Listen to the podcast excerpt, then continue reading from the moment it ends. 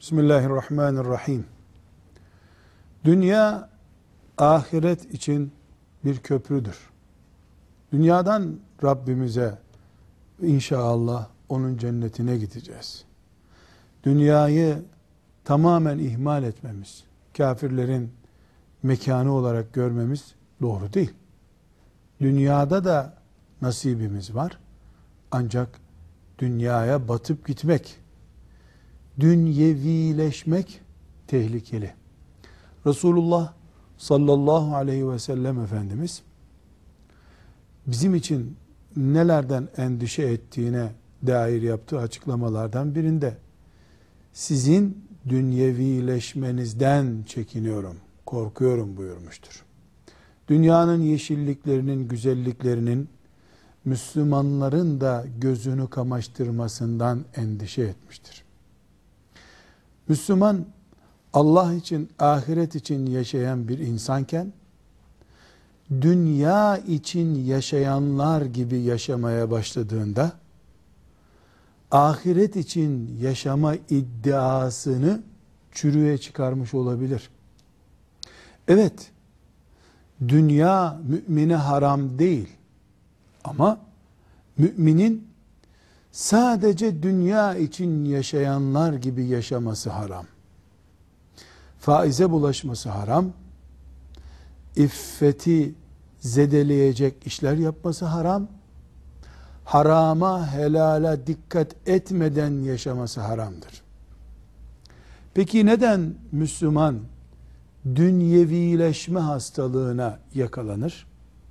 Aslında ahiret için yaşamak istediği halde, Allah'ın cenneti ana gayesi olduğu halde, neden dünya nimetlerine kapılıp gider?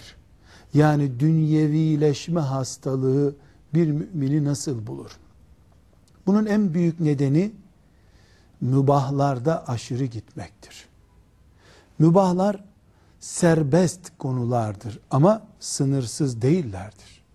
Uyumak mübahtır ama uyku makul olduğu zaman mübahtır. Ekmek vesaire her türlü gıdayı yemek helal olduğu sürece mübahtır. Ama patlayana kadar yemek mübah değildir.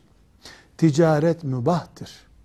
Ama ibadete engel olan ticaret, insani ilişkilere, aile hukukuna engel olan ticaret mübah olmaktan çıkar.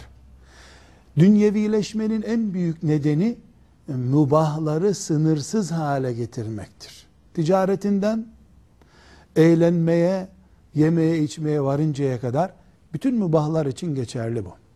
İkinci neden çevre yani arkadaştır. Dünyevileşmişlerin ortasında ahiret hayatı yaşamak zordur. Herkes çevresine dikkat etmelidir.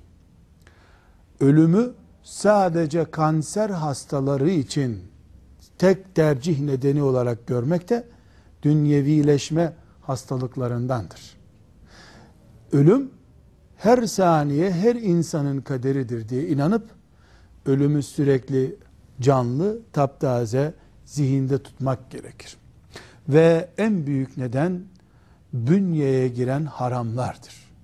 Vücuda giren her haram lokma dünyaya biraz daha yaklaşma, ahiretten biraz daha uzaklaşmaktır. Dünyevileşmek ve ahiret için yaşamak lafla değil, tavırladır. Biz Müslüman olarak tavırlarımızı ahiretten yana koyduğumuz sürece dünyevi olmayız.